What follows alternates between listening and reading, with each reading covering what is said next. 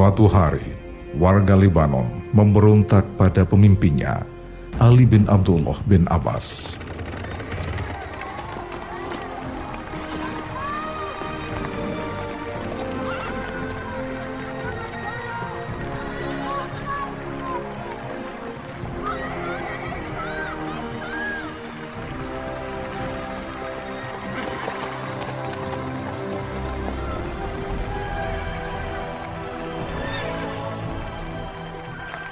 Sebagai pemimpin, Ali bin Abdullah bin Abbas melawan pemberontakan itu dan akhirnya menang. Menurutnya, tindakan yang bijaksana adalah memisahkan para pemberontak dan mengusir sebagian dari mereka ke wilayah lain.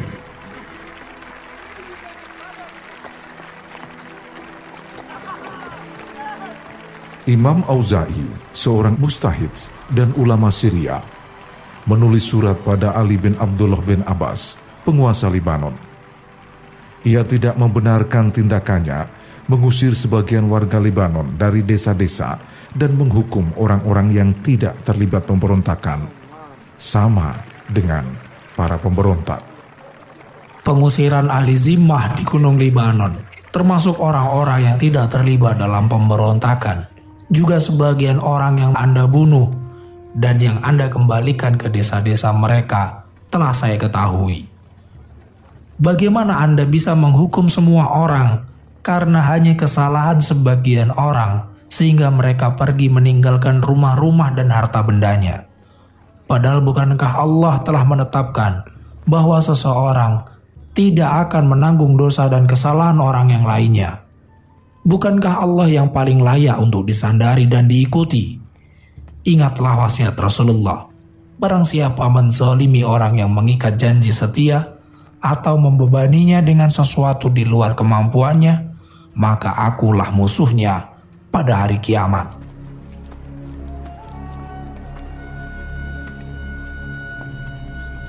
Setelah membaca surat itu, Gubernur Libanon segera mengembalikan warga ke desa-desanya dalam keadaan mulia dan terhormat.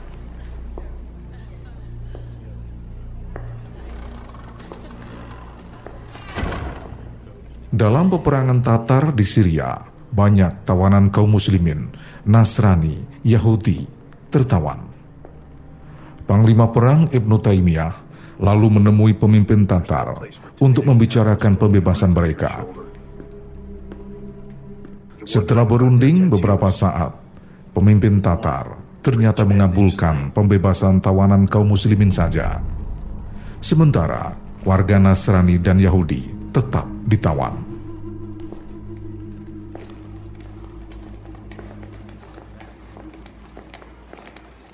Namun Ibnu Taimiyah menolak. Yang harus dibebaskan adalah semua tawanan yang ada pada Anda, termasuk kaum Yahudi dan Nasrani. Mereka adalah ahli zimah kami. Kami tidak akan membiarkan seseorang tawanan pun, baik dari ahli zimah maupun ahli millah.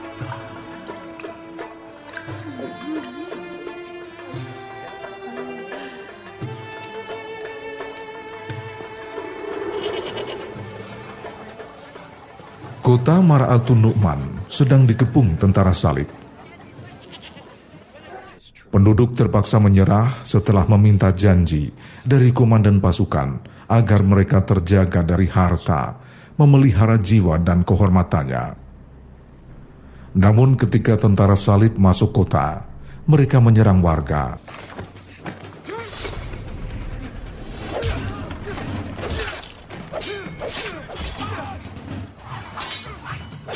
Sebagian sejarawan Prancis yang ikut penyerangan itu memperkirakan jumlah orang yang meninggal dunia sekitar 100 ribu orang, terdiri dari laki-laki, perempuan, dan anak-anak.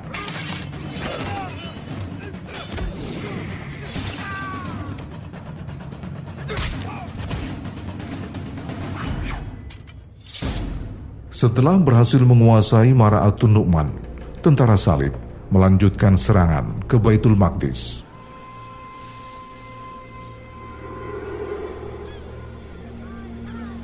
Merasa kalah segalanya, warga meminta perlindungan atas jiwa dan hartanya kepada Panglima Tankart yang langsung memberikan benderanya pada warga Baitul Maqdis.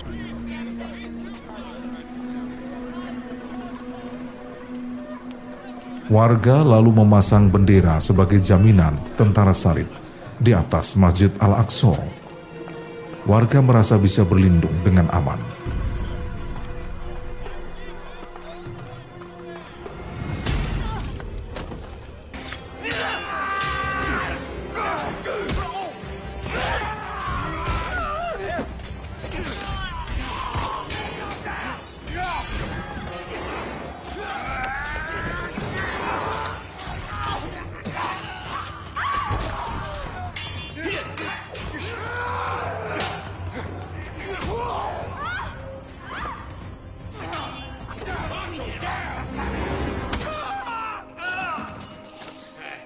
Setelah tentara salib memasuki kota, ternyata mereka membantai warga di sepanjang perjalanan.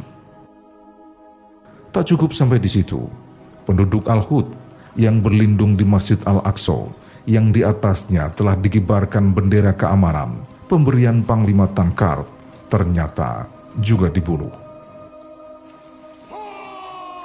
Darah mengalir dan mengenangi lantai masjid hingga setinggi lutut penunggang kuda.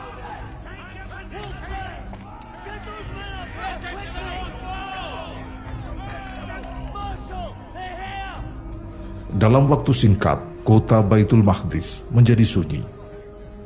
Jalan-jalan penuh dengan kepala, tangan, dan kaki yang terpisah dari tubuh.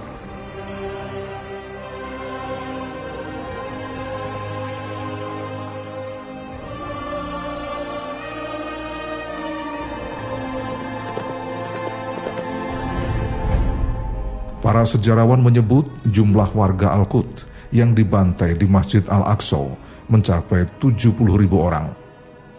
Sebagian dari mereka adalah para imam, ahli ibadah dan orang-orang zuhud, kaum perempuan dan anak-anak.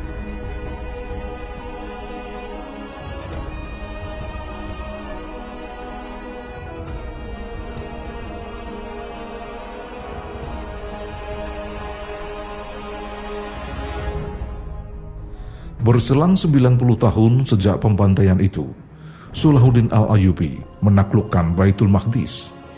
Namun ia sama sekali tak menaruh dendam atas peristiwa tragis pembantaian oleh tentara salib. Ia justru melindungi jiwa dan harta lebih dari 100 ribu orang, memberi izin keluar kepada mereka dengan tebusan sejumlah kecil harta yang dibayar oleh mereka yang mampu selama 40 hari.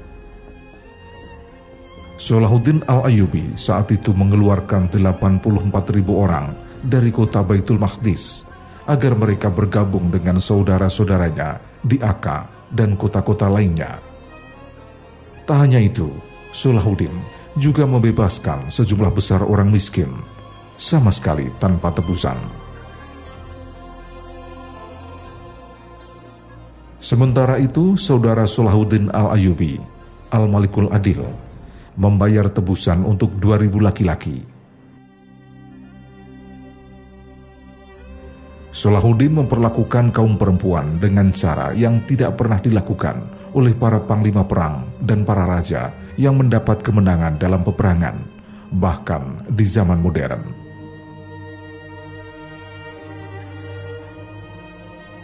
Ketika kepala uskup Perancis ingin meninggalkan Baitul Maqdis, Salahuddin Al-Ayubi mengizinkannya dengan membawa seluruh harta gereja, Masjid Al-Aqsa, Masjid Sakrah, dan gereja Kiamah yang jumlahnya hanya diketahui oleh Allah Subhanahu wa taala. Sebagian pembantu Salahuddin mengusulkan agar ia mengambil harta yang tak terhitung jumlahnya itu. Namun Salahuddin Al-Ayubi menolak. Ia tak mau berkhianat dan ia hanya mengambil dari kepala uskup itu sejumlah harta seperti yang diambilnya pada setiap orang yang meninggalkan kota.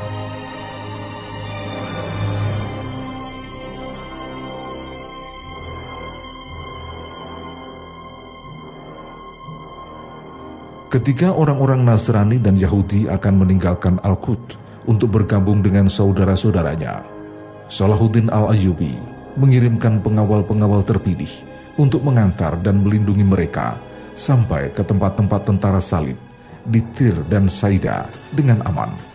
Meski waktu itu kaum muslimin masih berperang dengan mereka. Suatu hari ratusan perempuan berkumpul. Mereka adalah para istri, ibu, atau putri-putri prajurit yang ditawan atau terbunuh. Mereka sama sekali tidak mempunyai keluarga dan tempat tinggal. Salahuddin Al-Ayubi menangis melihat mereka. Maka ia segera memerintahkan pasukannya untuk mencari tawanan yang menjadi suami, saudara, atau anak-anak perempuan-perempuan itu. Setelah ditemukan, ia membebaskan para tawanan yang ditemukan dan mengembalikannya kepada perempuan yang menemuinya di tenda.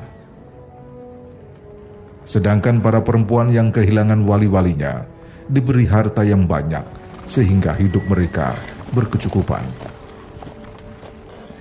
Solahuddin juga mengizinkan para tawanan yang telah dibebaskan pergi bersama anak, istri atau saudaranya untuk segera berlindung di kota Tir dan Aka.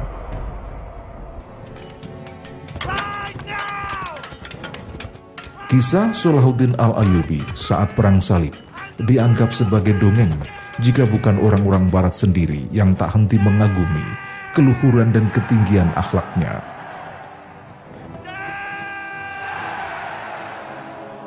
Orang-orang barat sendiri menuturkan, ketika Salahuddin Al-Ayubi mendengar berita, Richard, panglima terbesar dan terberani tentara salib sedang sakit. Ia mengirimkan dokter pribadinya dengan membawa obat-obatan dan buah-buahan yang tak mungkin didapatkan Panglima Salib. Padahal peristiwa itu terjadi ketika perang di antara keduanya masih berkecamuk. Sejarah Barat juga menuturkan kisah tentang seorang perempuan di pihak musuh yang mendatangi kemah Sultan Salahuddin sambil berlutut dan menangis. Ia meratap dan mengadu. Dua prajurit muslim telah menculik anaknya Salahuddin lalu memerintahkan pasukannya untuk mencari anak itu. Setelah ditemukan, anak itu kemudian diserahkan dan perempuan itu dipulangkan ke markasnya oleh Salahuddin dengan dikawal pasukan khusus agar keduanya aman. Melihat sikap Salahuddin Al-Ayubi, banyak tentara perang salib dan warga Nasrani memeluk agama Islam karena menganggap Islam agama penyelamat mereka mereka memeluk Islam dengan sukarela, seperti yang dikatakan sejarawan klasik. Mereka berpaling dari saudara-saudaranya yang sangat kejam, dan mereka mendapat keamanan di tengah-tengah kaum muslimin yang sangat mengasihinya.